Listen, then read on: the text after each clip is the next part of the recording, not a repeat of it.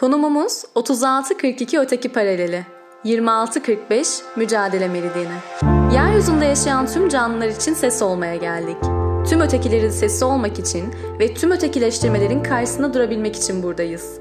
Biz ötekileriz ve her yerdeyiz. Öteki Podcast'te hoş geldiniz.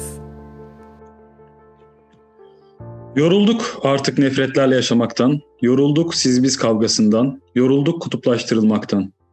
Yorulduk hayatımızı bir kavgaya çevirmenizden. Utanın artık, istenmediğiniz yerde durmayın.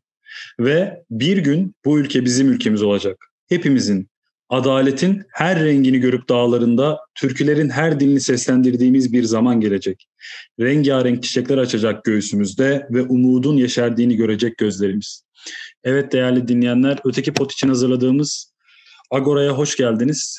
Bugün aslında eğlenceli bir şeyler konuşmayı planlıyorduk. Hala da öyle planlıyoruz ama maalesef Türkiye gündemi bizi eğlenmekten ya da güzel şeylerden bahsetmekten alıkoyan bir e, ülke gündemi maalesef. E, Esra merhabalar.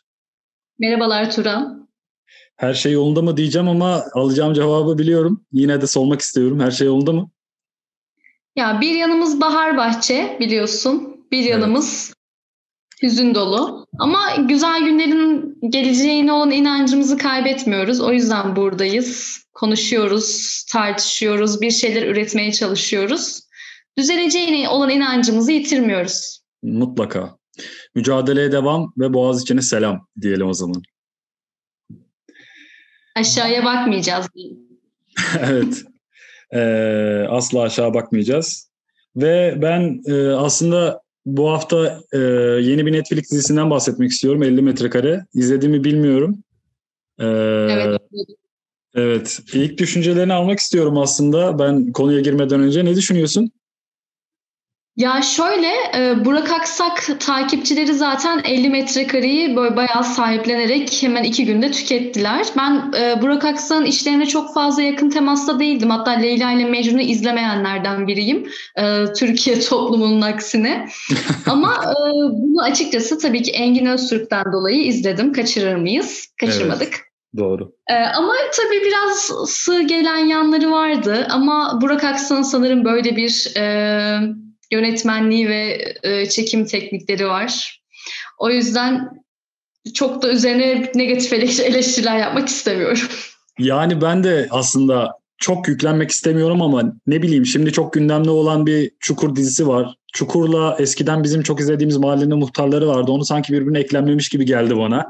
Hani ben çok yüklenmek istemeden söylemek istiyorum yine de bunları ama Burak Aksak'la Selçuk e, Aydemir bu arada kuzenlermiş diye bir yerde okudum. Ne kadar doğru bilmiyorum. Ben daha önceki yapımlarından biliyorum e, Burak Aksak, Selçuk Aydemir ve Onur Ünlü'yü. E, yıllar önce Ramazan Güzeldir de izlemiştim. E, 50 metrekarede de çok üzerinde durdukları cami ve imam metaforu var. Metafor demek istiyorum artık ona. Çünkü öyle bir realde öyle bir dünya yok. Ee, ne öyle bir cami ne öyle bir imam var. Ya da artık İstanbul'da zaten öyle bir muhtar tiplemesi de yok zannediyorum. E, mahallenin her şeyini bilen, her şeyle ilgilenen. Belki e, diğer şehirlerde mümkün. Küçük e, yerlerde, kırsalda belki var. Leyla ile Mecnun'a değindin. Evet bir mahalle komedisiydi Leyla ile Mecnun. Biz bu anlamda 50 metrekarede de bunu biraz yaşadık. Bir mahalle komedisi daha tarzı Tabii Leyla ile Mecnun daha absürttü ama hani bunda da yine değinilmiş mahalle komedisine.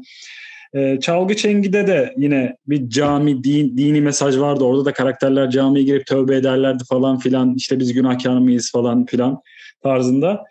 Ee, ve en son Kardeş Payı'ndan e, biliyoruz. E, aynı tarz e, yine bir mahalle sistemi vardı. Kendi içinde e, örgütleşmiş ve aynı e, sıkıntılara birlikte göğüs gerip kenetlenen bir mahalle. Aynı duruma benzer bir şeyler ama yine burada bir hani böyle bir görünmeyen adamlar, bir siyah giyinen adamlar konsept, silahlar falan patlıyor havada. Bir şeye değinmiş yani her iyi insanın içinde bir kötülük tohumu ya da her kötü insanın içinde bir iyilik e, tohumu, to, tohumu vardır tarzında bir şeyler gördüm. Adamın biri yani bir dizinin son sahnesinde artık babasını boğdu falan böyle bir şey geldik olay böyle çok abes bir noktaya evrildi. Yani bu açıdan ilginç. Yani dram, aşk, küçük mahalle tarzında böyle organize işler tarzında bir yapım olmuş. hani geçmişin iyi bir insan olmana engel değil falan filan olayları da var. Hani öyle bir e, intiba da uyandırdı bende açıkçası. Öyle diyebilirim yani. Mahallenin muhtarlarına benzettim çünkü hani aynı ben oradan kalmış bende e, demek ki direkt onu hatırlattı bana ufak tefek yanlarıyla. Bir de şey çok e, meşhur e, bu arada e, sosyal medyada da çok konuşuldu. Umudumuz Şaban filmine çok benziyor. Gerçekten işte kötü müteahhitler gelir adamın bir tanesi çıkar bütün mahallenin umudu olur ve müteahhitlerden artık böyle bir dünya yok ya kimse müteahhit geldiği zaman falan böyle e, dönüşüm kentsel dönüşüme falan bu şekilde bir yaklaşım yok kimsenin. E, Herkes kaç daire alacağını düşünüyor artık. Evet zaten yani. Ee, öyle burası bizim mahallemiz, biz burayı vermeyelim. Burada bizim anılarımız var, ağaçlar diktik, işte e, burada top oynardık falan filan. E, biraz bana evet yani mahalle e, müteahhitlerin elinden kurtaran o Umudumuz Şaban versiyonu hatırlattı. Evet ufaktan bir toplumcu bakış açısı var bazı uçlarda ama e, biraz da muhafazakar geldi açıkçası. Ya evet öyle biraz şey zaten bir yandan mahalleyi anlatıyor, mahalledeki yaşanmışlıkları, birlikteki bir aradalığı anlatıyor ama bir yandan da mafyaya vurgu yapıyor. O iki dünya arasında böyle bir geçirgenlik var. İki dünya birbirinden haberdar hatta bazen temas noktaları karşılaşmaları oluyor. İşte hatta mafyadan çıkıyor, geliyor mahalleye. Sanki o hep orada büyümüş gibi bir anda mahallenin çocuğu haline geliyor Engin Öztürk orada. Evet. Yani adının bile kendine ait olmadığını onlara yansıtmıyorken, kendi kişiliğine dair hiçbir bilgi vermiyorken bir anda böyle herkes onu evine alıyor, işte dükkanına alıyor, hayatının içine alıyor Orada böyle bir şey var aslında yani her şey bu kadar nasıl hızlı oldu sorusu var. Bir yandan diyorsun ki ya sonuçta evet 50 dakikalık bir dizi ama 50 dakikalık dizi olmanın yanı sıra bir yandan televizyon dizisi gibi de oradaki hikayeler işte klasik pastanedeki işte e, böyle babacan adamın kızı işte eski aşık olur. O romantizmden de vazgeçmemişler ama işte bir serseri çocuk da var hikayemizde. İşte o orada ve platonik takılıyor. Ya şey bana biraz şey geldi. Yani Netflix dizisi değil de bildiğin Türk dizisi gibi geldi. Yani ATV'de böyle Show TV'de falan izlediğim bir dizi gibiydi. Tabii Netflix'ten ne beklediğine bağlı bu. Muhafızı bekliyorsan zor hani ya da Atiye'yi bekliyorsan çıkmaz o 50 metrekareden. Bir tık farklı davranmış ama Netflix de ne yapsın yani şimdi adamlar hani e, lise liseyi anlatan Aşk 101 miydi? Aşk 101 yapıyorlar. İçinde e, doğal olarak LGBT bireylerin bulunmasını engelleyen bir sistem var. Türkiye devletinin içinde bulunduğu bir sistem var ve doğal olarak onu da istedikleri gibi yayınlayamıyorlar. O zaman alın size biz de bunu verelim mi dediler kendilerince bilemiyorum hani. Belki de Netflix açısından bakarsak haklılar. Çünkü ben para kazanıyorsam izlendiğim şeyi sunmak isterim ki para kazanayım daha çok bilmiyorum böyle bir durum var ama yani haklısın Turan. Gerçekten onu ben düşünmemiştim ama dediğin gibi yani Netflix Türkiye çok fazla eleştiri aldı. Özellikle bu Aşk 101'deki Osman muhabbetinden ya da Atiye'deki sahnelerden sonra çok fazla eleştiri aldı bazı çevrelerden. Ee, o yüzden belki bu imajı tazelemek için düzeltmek için e, böyle bir diziye ihtiyacı vardı. İşte halkın içinden gelen e, mahalle kültürünü yansıtan böyle mafyada işte artık Türkiye'nin Türkiye'nin dinamiklerini de yansıtıyor maalesef yani artık devlet maalesef. yönetimi de mafyatik bir insanlarla bir arada. E, o bağlamda düşününce evet Netflix belki de bu kitle göz kırpmak istemiş olabilir. Senin dediğin kelimeyle söyleyeyim yani o bağlamda düşününce gerçekten Türkiye'nin gündemi mafya. Yani mafyalar biliyorsun mahkemelere giderken özel araçlarla böyle şakarlı araçlarla falan karşılanıp binlerce adamla onlarca adamla giriyorlar mahkemeye falan filan. Artık zaten polis gücü mafya üzerinde etkin değil. Mafya kendi bulup cezalandırıyor kendi içinde suçlu olanları. E onun için bir yandan da Fahri Polis e, Kuvveti gibi bir iş yapıyor herhalde kendilerince. Bilemiyorum yani tuhaf bir dünya. Ee, bu anlamda Baba filmini de yeniden çekebilir Netflix Türkiye için. Zannediyorum olumlu olur, izlenir. Ee, yani bu arada gerçek sahneler için yani piloto falan aramasına gerek yok. Gündelik hayatın içine girse çıkarır oradan bir baba filmi. Hiç şüphesiz doğru. Ee, Avrupa'ya biraz e, uzanalım istiyorum. Avrupa'da da her şey yolunda gitmiyor. Pandemiden dolayı her şey sıkıntılı zaten ama maalesef beklenmeyen bir iki olay da yaşanıyor. Almanya ve Avusturya iltica eden e, mültecilerden bir kısmını ülkelerine iade etti e, bu son haftada olan bir durum. Almanya'dan bahsedebilirim. Ebrahim Abdi e, isimli bir mülteci İran'a teslim etti. E, ve gerçekten e, nasıl bunu göze alıp yaptı çok da tartışılıyor Almanya içinde de bu. E, kendisi Kürt bir mülteciydi. 2010'da başvurmuş bu arada iltica başvurusuna. E, 2010 yılında başvurmuş. E, hatta bir kardeşi de cezaevinde e, imiş şu anda. İran'da e, mahkummuş. Diğeri de felç olmuş iş, e, işkenceden dolayı. İran hapishanelerinde maruz kaldığı işkenceden dolayı. Annesi de İbrahim Abdi'nin e, hapishanede gördüğü işkenceden dolayı ölmüş. E, buna rağmen Almanya kendisini iade etti. Çok e, şaşırtıcı bir durum gerçekten. Bu yılda toplam 48 mülteci, mülteciyi e, teslim etmiş İran'a Almanya. Ben de konuyu araştırırken denk geldim. Alma, Almanya'nın yanı sıra Avusturya'da bu hafta e, iki mülteci aileyi e, teslim etti. Biri Gürcistan'a, biri Ermenistan'a galiba hatırlayamıyorum şu anda. E, o da çok gündem oldu çünkü çocuklardan biri burada doğmuş, büyümüş, e, liseye gitmiş hatta şu anda. Ama e, iade edildi. İlginç bunlar tartışılıyor en azından Avrupa gündeminde haksızlıklar. Ama Türkiye'de olsa bunlar tartışılmaz bile maalesef. Biraz dünyanın e, seracesi kaydı derler ya öyle oldu herhalde. Biz eskiden şey derdik hani Türkiye e, işte Avrupalılaşmalı, işte Avrupa demokrasisine uyum sağlamalı vesaire derdik. Hatta Kopenhag kriterleri yıllarca tartışıldı bu ülkede. Türkiye'nin AB'ye girmesi tartışıldı. Ama biz AB'ye girerken AB Türkiye'ye girdi galiba. evet bir kayma var doğru. bu açıdan yani, birbirine. İnsan hakları ihlalleriyle karşılaşıyoruz ve bunu Avrupa gibi gerçekten demokrasinin kalesi denilen yerlerde görmek. Hele Almanya gibi işte Türkiye'yi özellikle bu Avrupa Birliği sürecinde çok fazla eleştiren bir ülkenin e, bu tarz politikalar yapması özellikle iltica, mülteci konusunda bu kadar e, ayrımcı politikalar yapması bana şaşırtıcı geliyor. Gerçekten bu sanırım sağ popülizmin yükselişiyle artık e, ülkeler özellikle bu Brexit'ten sonra hani e, çünkü küçülmeye gidiyor artık Avrupa Birliği de. Bundan dolayı sanırım artık e, ülkeler kendi e, oy potansiyellerine, kendi oy aldıkları sadece vatandaşlarına yönelmeyi tercih ediyorlar.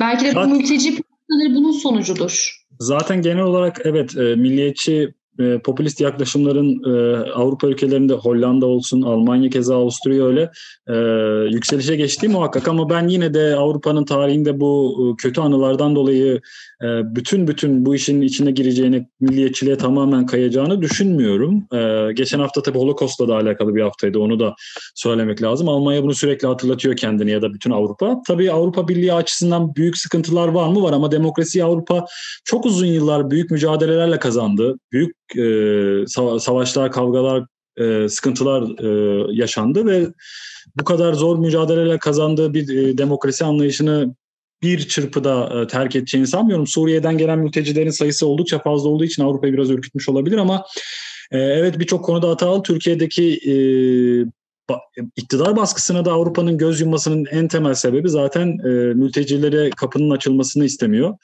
Ve dahi yani Yunanistan'da yaşanan mülteci krizi gerçekten ayrı bir podcast çekmek lazım. O çok vahşi bir durum orada yaşanan e, sıkıntılar. Merkel de gidiyor tabii Almanya için üzücü bir durum bu.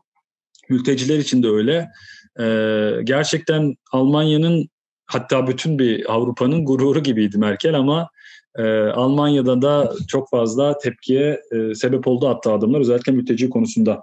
Tabii ben e, Avrupa'dan yine Türkiye'ye dönmek istiyorum. Türkiye'de dışarıdan gelmeye gerek yok mülteci olmak için. Zaten aynı muameleyi yaşarken de görüyorsun e, maalesef. Yaşayan ölüler gibi Türkiye'deki e, insanlar, halklar. LGBT bayrakları ele geçirildi diye bir ifade vardı. Sen de hatırlayacaksın. Ne düşünüyorsun bu konuda?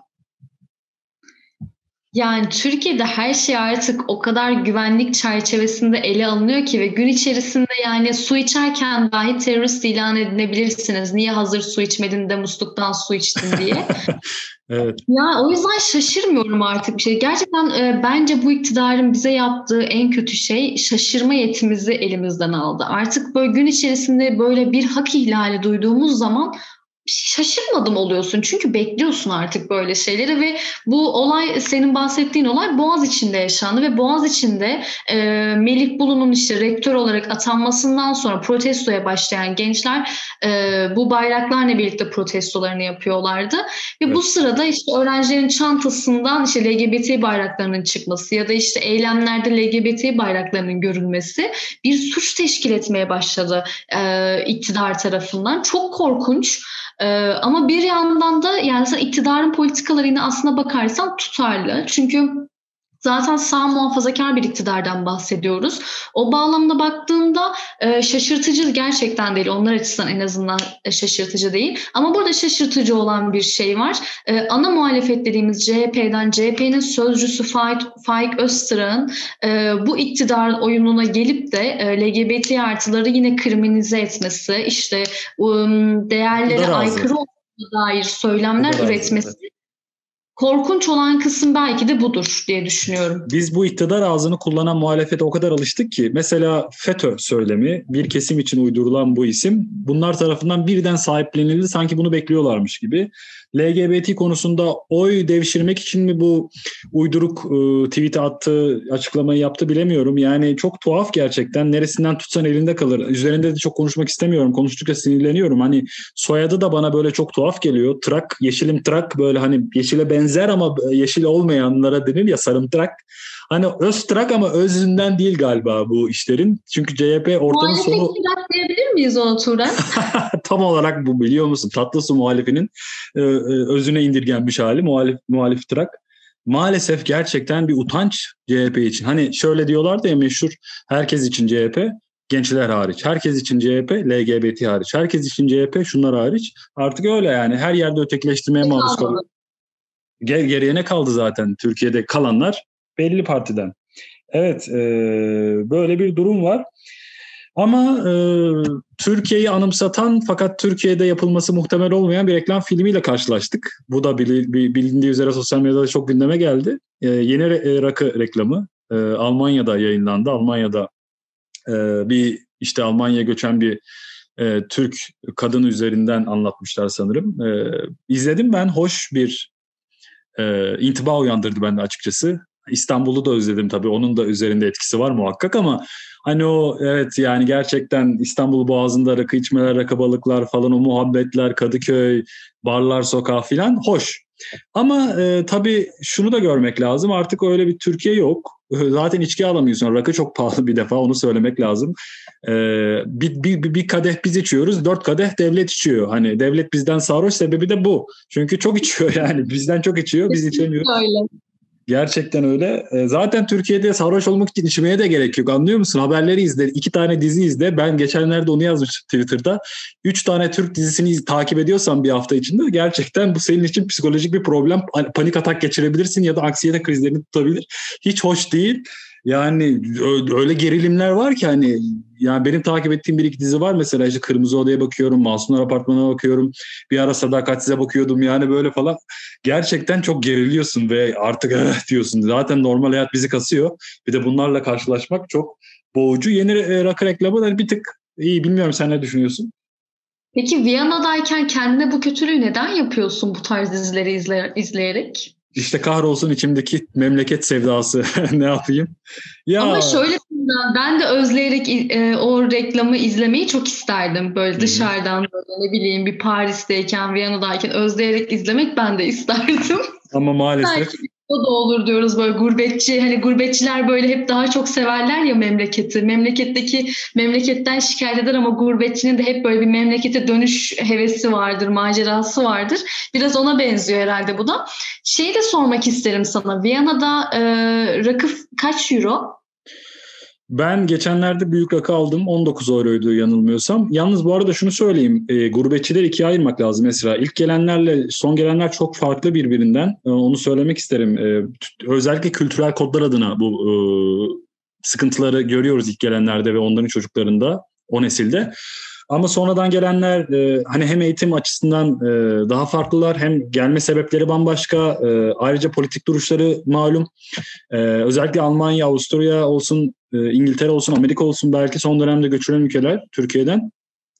Burada e, hani eve almadıysan dışarıda bir yerde içeceksen bu arada yasaklanmasına rağmen buradan e, bağırarak söylüyorum meyhanede içeceksen bu isim yasaklandı Türkiye'de artık. Meyhanede içeceksen o e, meyhaneler e, mesela LG burada Türklerin e, meyhaneleri, Türklerin e, işlettiği meyhaneler LGBT karşıtı yerler. Hani normal Türkler hani Türkiye'deki gibi öyle çok rahat davranamıyorsun. Hani ya da politik söylemlerde çok bulunabileceğin yerler var mı? Var ama e, her yer değil. Yine de onu dikkate almak lazım. Ee, sorunu unuttum bu arada ben kendi çapımda daldım. Viyana'dan bahsediyordum. Rakıyı ha, cevapladım gerçi evet. Evet ama çok yani birim fiyatla karşılaştırdığın zaman bedava gibi bir şey yani. Çünkü Tabii asgari ben ücret... rakı içen bir insan değilim. Rakıyla aram çok yoktur benim. Ama Türkiye'de herhalde 200 bandına erişti diye biliyorum. 1.70'lik rakı. Ee, asgari ücrete kıyasla tabii çok büyük bir rakam. Burada çok 1200 eurodan yani kıyaslarsak gerçekten. Ya tabii yani nereden baksan onda biri gibi bir fiyata denk geliyor artık rakı... ve dışarıda ekmek de yine aynı şekilde çok pahalı. Zaten bir de hani rakı e, ya bir de bazı şeyler gerçekten artık belirli kesimlerin sembolü haline geldi. Mesela rakı içiyorsan CHP'li laiksin, işte bira evet. içiyorsan sosyalistsin, evet. ne bileyim işte ayran içiyorsan zaten orası belli. Milli ee, gibi kod dediğin gibi kodlarda işlendiği için sanırım artık rakının da farklı anlamları var. Hele bu rakı içen kadına yüklenen anlamlar vesaire vesaire evet, bir sürü şey var. Bu yeni rakı reklamında zaten kadın kullanılmasının bile bence buna işaret eden bir anlamı var. Çay çay içen, içen içenler için de bir edebiyat vardı bir ara. Çay içenden evet, zarar gelmez. Rakı içen kadın evet. adam gibi sever falan salak saçma şeyler böyle. Niye kadın İlla gibi zaten onları. Evet ya bu arada yani rakı ithal bir ürün tabii burada. Ee, burada şarabı 2 euroya da bulabilirsin, 3 euroya da bulabilirsin. Hani öyle de bir imkanı var. İçki konusunda çok büyük sıkıntı yok burada. Ee, özellikle Baviera bölgesi hani Almanya zaten bira zaten kendi ürettikleri çok meşhur bir içki. Çekya keza, keza öyle. Ya geçen bir arkadaş ailesiyle konuşuyordu. Baktım Survivor izliyorlarmış. Ya Türkiye'de gerçekten böyle bir algı mı var? Böyle bir tarz bir moda mı var? Survivor'ı izlemeyen öldürüyorlar mı, dövüyorlar mı? Nedir bu Survivor macerası bilemiyorum. Dikkatimi çekti. Bu sene çok izlenmiyor Turan. Sana onu söyleyebilirim. Bu sene gerçekten Survivor e, izleyicisinde bir düşüş var. Hani İbrahim. şöyle yemek Evet yemek programı falan mesela bu sene çok izlendi pandemiden dolayı özellikle ama bu sefer sanırım çok fazla ünlü karakter olmaması olmadığı için sanırım e, bir azalış görüyorum mesela. Zaten benim çevremde çok fazla izleyen yoktu o konuda dürüst olabilirim. E, ama genel olarak sosyal medyada mesela o yani yayınlandığı günlerde TT olurdu kesinlikle illa konuşulurdu. Şimdi mesela artık o da yok. Herhalde hani İnsanlar eksene mi kaydılar yoksa eksende mi tutmadı? Artık ben... insanlar sıkıldı mı ya da gerçekten Netflix açtı mı artık bu tarz programları? Umarım açmıştır ve cevap odur. Ee, izlenmiyor eskisi kadar. İbo Show'dan dolayı mı izlenmiyor diyecektim. Malum Bülent Sertaş gibi bir figür var orada hani böyle oynuyor ama ben bakmıyorum falan. Bu benim dikkatimi çekmiyor asla. Çünkü ben harama bakmam falan tarzında bir yaklaşımı olan bir e, kitleye hitap eden programlar mı var? Bilemiyorum yani. Neden izlenmedi? Günün sonunda eve dönecek çünkü. Nasıl? Ne dediğini anlamadım. Günün sonunda eve dönecek çünkü diyorum. yani sanmıyorum ben anlamadım ya gerçekten çok tuhaf. Hani baksaydı bu kadar gündem şey olmazdı. Şey önemli Turan. Ee, Ali Sunal şey dedi ya e, ya ben aslında bakıyordum ama bakmadığım anda o fotoğraf çekilmiş. Aa, onu okumadım. Doğrudur. O en iyisi oydu yani. Evet adam izlemiş yani. Çünkü izlenir. Neden izlenmesin yani ki e, dansöz kültürü yani yılbaşından tut da ya bayramlarda dahi olurdu. Dini bayramlardan bahsediyorum. Dini bayramlarda dahi televizyon kanallarını görürdünüz dansözleri. Yani bu abesle işçigal bir durum değil. Hani nasıl eskiden Türkiye'de alkol reklamları yapılıyordu, bira reklamları yapılıyordu. Onlar da vardı ve ama orada şeyde dikkat etmek gerekiyor. Yani oradaki e, dans söz Didem'in kıyafetinden tut değişen Türkiye'yi evet, görebiliyorsun evet, evet. Evet evet. Bu, o ne kapalılık ya. Gerçekten hayret edersin. Dansöz demeyi bir şey. Ben konuklardan biri kalktı herhalde dans ediyor diye zannettim Twitter'da görünce. Herhalde öyle bir şey ya bu dansözü böyle bir şey değil çünkü. Ee, Kesinlikle öyle değil olması... yani.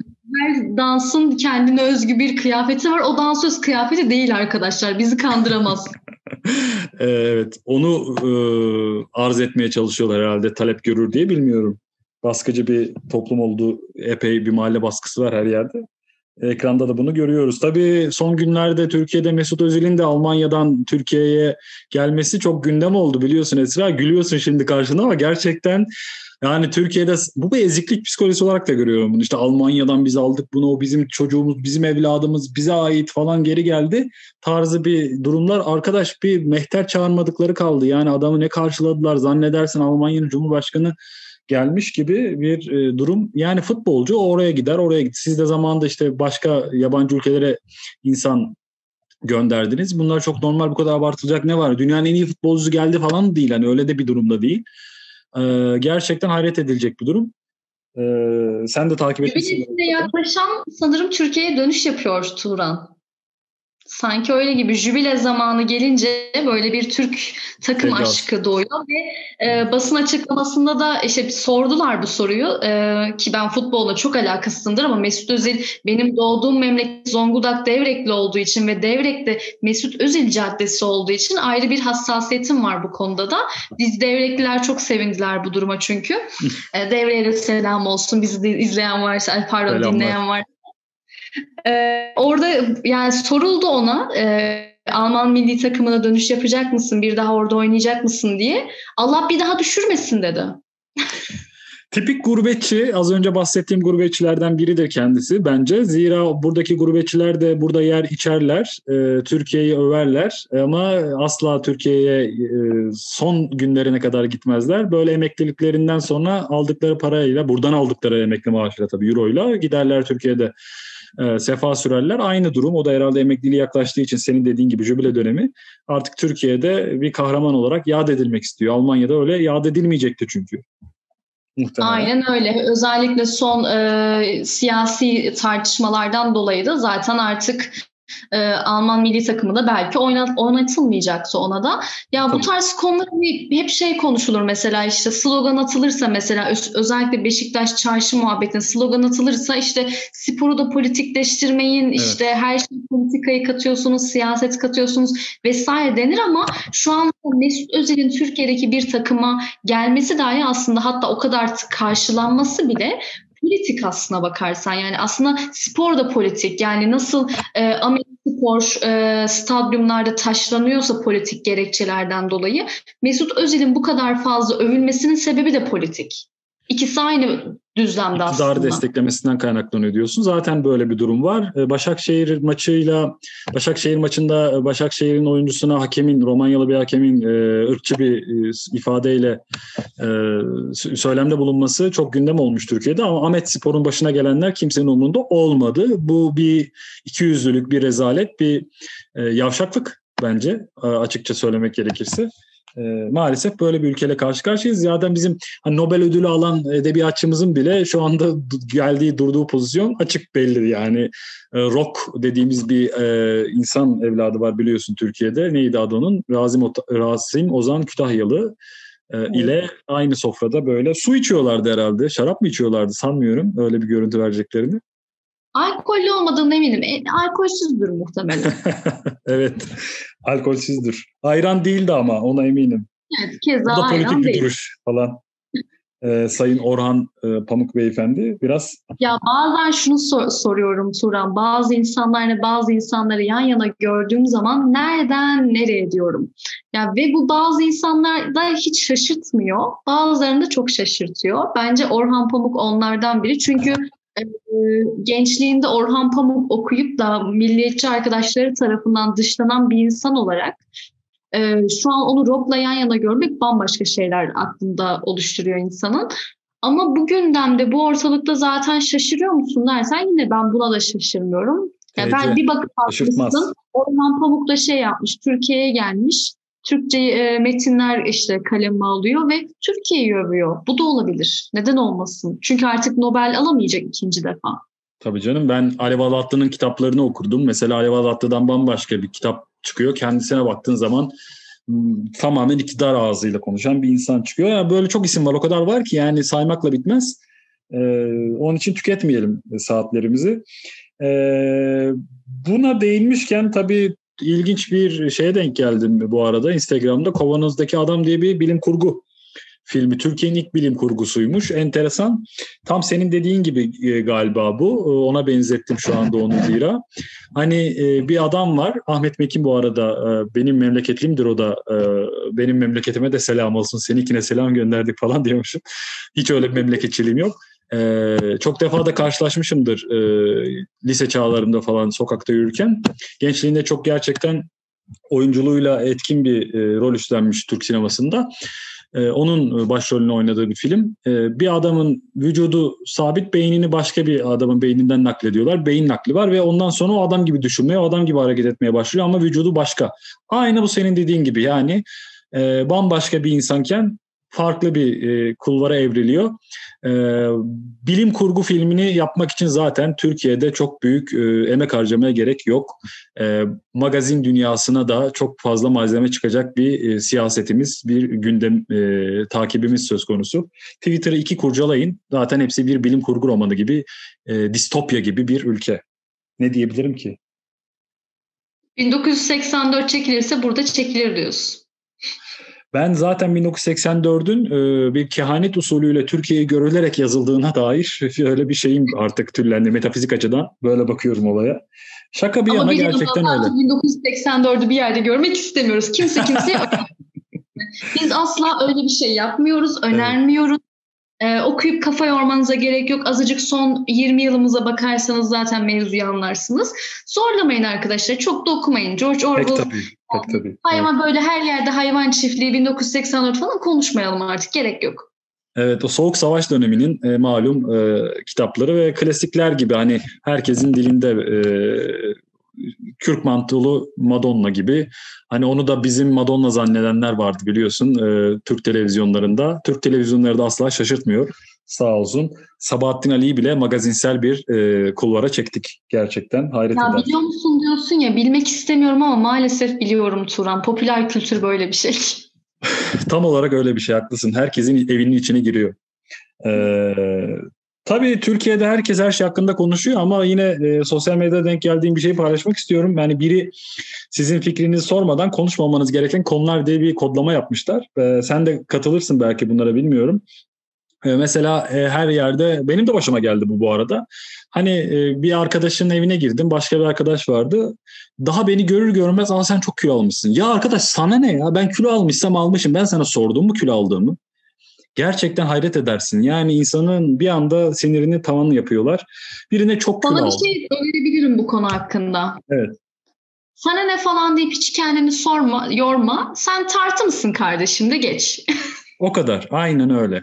Ben böyle ya, seviyorum veya... Kardeşim yani gramı gramını ölçecek misin beni her seferinde yani? Ha 50 gram fazla çıkmış, ha 50 gram fazla çıkmış yani. Ben sana soruyor muyum dün gece seks yaptın mı diye mesela. O kadar, Nasıl aynen. sorulardan biridir. Evet. Ya da hasta mısın, çok zayıflamışsın falan. Abi insanların kilosunu bırakın artık yani. İnsanlar nasıl istiyorsa biliyorlardır herkes kendisini biliyordur yani durumunu. Sormadıysa söyleme. E, giyim tarzı konusunda da Türkiye'de biliyorsun e, Selda Bağcan'dan da hatırlayacaksın. Aa, ben aslında solcuyum ama ama ama ne? Amadan sonraki her şey zaten e, sıfırdan sonraki rakamlar gibi e, bir anlamda hani ama ben çok açık giyinmesini tasvip etmiyorum tarzında. Sen çok kapalı giyiniyorsun. Aa bu etek çok kısa falan. İnsanların giyim tarzı, giydikleri Yedikleri bizi ilgilendirmez. Bu çok basit. Seni ilgilendirmez. Bu hayat benim. Bana özel, bana ait. E, duygularla da alakalı çok fazla e, Türkiye'de konuşuluyor. İşte sevgilinden mi ayrıldın? Onu unutman lazım, özlememen lazım, güçlü durman lazım. Başka başka konularda örnek olman lazım, lider olman lazım, sorumluluk sahibisin. İnsanlara çok şey yüklüyoruz ve insanlar altından kalkamıyorlar. İnsan mesela sevgilinden ayrıldın. Özleyeceksin tabii aşk acısını çekersin sonra biter gider yani. insan hayatında veya bitmez gitmez yine barışırsınız falan filan. Bu yine kişiye ait bir şey. Sorarsan söylerler. Ee, söylersen e, sorulmadan söylersen hata etmiş olursun. Kimse sana sormadan söylememen gerek. Kararlarla da alakalı şey hiçbir zaman susmuyor Turan. Gerçekten bu el alemin nasıl bir çenesi varsa hiç durmuyor o çene. Ya el alem dediğimiz şey hani senin duygularına da karışabilir, senin mesajlarına, yönelimlerine, tercihlerine, her şeyine karışabilir. Ya bu mesela eline telefon alıyorsun, gülüyorsun, aa kimle mesajlaşıyorsun, işte özel birimi vesaire. Eline telefon alıyorsun, moralin bozuyor, aa kötü haber mi aldın, ne oldu? Yine bu, bu şekilde sorular vesaireyle karşılaşıyorsun. Çünkü bu el alem dediğimiz şey o toplum baskısı. Ya bizim her şeyimize karışma lüksünü onlara veriyor. O yüzden o alanda bunun bundan kurtulmak için ne yapıyor çoğu kişi? Kimisi hayattan soyutlanıyor, kimisi o çevreden soyutlanıyor. Hı hı. Kimisi de e, biz mesela evet çok güzel bir şekilde belki sana ne diyebiliyoruz. Sana ne diyebiliyor. Ki bence e, bu hayatta gerçekten en güzel kelimeler ikilemelerden biri sana ne? Cuk oturuyor çünkü bir noktaya. Doğru. Sana ne diyebilmek lazım yani. Biri sana bu bu tarz soruları sorduğu zaman sana ne kardeşim? Yani hatta Karsu'nun şarkısı var sana ne diye. Çok severim bu arada Karsu'yu da. Yani o sana ne şarkısını böyle şey yapmak istiyorum. Bazı ortamlarda telefonuma ses yapıp da böyle açıp açıp durmak istiyorum biri bir şey sorduğu zaman. Aldıkları kararlarla da alakalı bu e, ekip, bu El Alem ekibi çok karışır mesela. Aa bu elbiseyi almışsın ama çok para vermişsin. Buna bu kadar para verilir mi? Ee, ya da işte keşke bunu almasaydın tarzında. Bir arkadaşım demişti, e, o kendi başına gelmiş. Bir e, kız arkadaşım demiş ki ya bu çok pahalı. Niye buna bu kadar para verdin? O da dönüp demiş ki çünkü çok param var. Bu kadar basit bir cevabı var yani. Çünkü çok param var ya verebilirim veya vermeyebilirim. Ee, bu benim hayatım hani. istediğimi alabilirim. Yine nereye geliyoruz? Sana ne? E, özeline Aynen. geliyoruz. Bu konuda ben e, şu an okuduğum bir kitaptan bahsetmek isterim Turan. E, yeni başladım bu kitaba. Zaten çok yakın bir zamanda çıktı. Ece Temel Kur'an'ın e, Bu da Geçecek kitabı. Gerçekten bu dönemlerde belki de en çok kullandığımız cümle bu da geçecek. Ne olursa olsun bu, bugünler de geçecek. Bu zulüm de bitecek diyorum. Evet, evet. E, orada mesela şöyle e, bir tane denemesi var. E, gürültüde aşağı çekilmek diye. Orada mesela diyor ki İnsanı pişman ederler. İnsana güzel şeyler yaptığına pişman ederler. Orta Doğu'nun kötü bir huyudur. Kimse daha güzel şeyler yapmasın. Herkes aynı çamurun içinde onlarla birlikte debelensin isterler. Güzel olan her şeye saldırırlar ki herkes onlar kadar çirkin olsun. Çirkin olmazsan kendilerinden saymazlar. Saymazlarsa saymasınlar da diyemezsin. Köysüz bırakırlar, yurtsuz bırakırlar. Sonra sen küsüp çekip gittiğinde de niye gitti ki bu şimdi diye sorarlar. Yani bir ülke ki gerçekten kadınlara da, çocuklara da, LGBT e, mazlumlara da hep bu şekilde davranıyor. Yani bir şekilde seni o köyden kovuyor. Evet ama gel gör ki o köyü unutamıyorsun Esra. Öyle de bir durum var maalesef. Köyden çıkamıyorsun. Günün sonunda o köye dönmek istiyorsun ama bir yandan kurtulmak da istiyorsun o köyden. Ama ne yapmak gerekiyor işte bu köyden kaçış yoksa eğer köyü güzelleştirmek gerekiyor, köyü değiştirmek gerekiyor. O dönüşümü kendi içinde yaratmak gerekiyor. Ben de bence bu da geçecek tam olarak buna işaret ediyor zaten. Dönüştürmek, değiştirmek kendi içinde kendinle birlikte. Tam olarak öyle. Biz yaşadığı cehennemi cennete çevirmeye talip insanlarız. Ee, dediği gibi e, Hrant'ın. Evet e, ve Türkiye'deki herkes biliyorsun din, spor ve siyaset alanında uzmandır. E, dini yaşama karışırlar. Neden namaz kılmıyorsun? Ha sen ateist misin? Ha sen ne kadar böyle Müslümansın? Bu kadar dindar olma kafayı yersin falan gibi. Eki, bu el alem ekibi gene e, toparlanıp bu konularda da mutlaka fikir beyan ediyorlar. Özel hayatla da ilgili tabii e, çok derinlere iniyorlar. Mesela o sevgili sana yakışmıyor. O zaten senin tipin değil bence. E, eğer böyle kalırsan evde kalacaksın falan gibi böyle manasız, ürkek, gereksiz e, hiç senin üzerine vazife olmayan, hiç sana da sorulmayan bir konuda Mehmet Ali bir anda hatırlattı bana bu. E, bir konuda yorum yapıyorlar illa. E, tuhaf böyle. Ya da sosyal medya paylaşımları. Ya sen bunu niye yazdın? Ya da niye yazmadın falan. Yani benim hayatım, benim dünyam. Kendim mutluyum ve sorarsam söylersin. Üstüne vazife değil demek lazım. Yine sana ne demek lazım açıkçası. Ee, bu arada tabii Şubat ayı içindeyiz. Ee, 840 yılda bir gelen e, diye okudum ben bir yerde. Bir yerde de 200 yılda bir gelen diye okudum. Bilmiyorum hangisi doğru. Ee, bir Şubat ayı yaşıyormuşuz. Ee, çok düzenli bir Şubat. Ee, Mart da öyleymiş sanırım. Ee, Şubat ayında pazartesiden başlayıp işte pazara kadar devam eden her gün böyle takvimli düzenli bir şekilde. Ben de baktım gerçekten merak edip. İlginç e, 2021'in e, bu kadar düzenli başlaması. Umarım her şey düzene girer diye e, noktalıyım ben bu konuyu. Bilmiyorum senin Düzen içinde düzensizlik olmasın da. Evet bazen düzene oturmak için düzensizlik gerekiyor galiba. Hani Fransız ihtilalini hatırlarsak ya da birçok böyle olayı. Ee, bu aralar bu arada Esra spora başladım. yani daha doğrusu evde spora başladım. Fitnesslara falan Hiç belli olmuyorsun bence. ee, böyle healthy beslenmeye çalışıyorum. Bir de şey evde böyle e, kendi kendime hareketler yapmaya çalışıyorum. Böyle bir hareket öğrendim. 20 defa evde yapıyorsun. Sağ, sol, sağ, sol, sağ, sol yapıyorsun. Penguen gibi evde yürüyorum böyle sağ sol yapa yapa. Bir yandan da e, işte yan karın kasların gelişiyormuş, oradaki yağlar eriyormuş falan filan. Gerçekten bunu aynaya bakarak yapınca kendim penguen gibi hissettim. Bir anda sanki balık avlamak için balıkçıl beslenmeyle hani buz denizine atlayacakmışım gibi bir e, görüntü hissediyorum kendimde. Gerçekten zayıflamak için katlanılacak şeyler var e, bazen. Son olarak şunu söylemek istiyorum. geçen ötekinin yaptığı webinardan Vahap Coşkun webinarından öğrendiğim bir bilgi. Kürtçe öğretmen sayısında atanan kaç tahminin var mı? Tahminimi söyleyeyim gerçeği mi? Tahmini söyle. yani beşten fazla değildir. İki. Yani evet. şaşırtmadı. Evet gerçekten şaşırtmadı.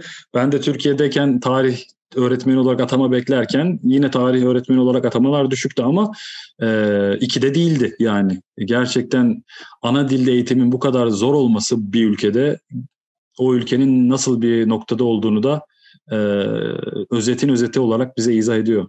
Bu açıdan da Ki bu kadar heterojen bir ülkede bu kadar zor olması aslında bu kadar heterojenliğin, bu zenginliğin e, olumlu bir şeye dönüşmesinden e, ziyade tam tersi bizi negatife götüren bir yanı olduğunu görüyoruz. Halbuki e, elimizde bu kadar fazla zenginlik varken eğer bu zenginlik farklı ülkeler coğrafyalarda olsaydı kim bilir ne kadar iyi şeylere hizmet etmek için kullanılırdı. Ona hiç şüphemiz yok. Gerçekten haklısın. Eklemek istediğin başka bir şey var mı? Merkür Retrosu çok zorlanıyorum. Aa, evet astrolojiye de değinmeden geçmeyelim haklısın. Merkür Retrosu. Yani şöyle şey olur ya, bazı programlarda e, böyle programın sonlarında doğru bir astroloji köşesi yaparlar. Bunu evet. biz de yapmalıyız. Evet haklısın galiba. Ben eskiden hiç inanmazdım burçlara falan da bilmezdim. Son dönemlerde özellikle son 3 yıldır çok takip ediyorum. Her burçtan haberim var artık. A balık, A yay, A e, aslan falan hepsini e, kendi e, aklımda kategorize ediyorum herhalde. A bu, bunun Benim karakteri burcum. böyledir. Benim burcum yay. Aa yay süper. Evet. Ee, daha böyle gerçekten oturuyor böyle okuduğum zaman hani. Her burcu okuyan da kendi için öyle diyor bilmiyorum.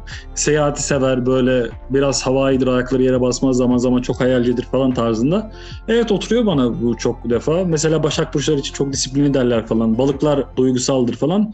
Bakıyorum etrafındaki insanlara gerçekten oturan yönler var. Senin burcun ne? Şey yapayım, klasik yaparlar ya böyle. Tahmin et Bence bakayım. bu cümle.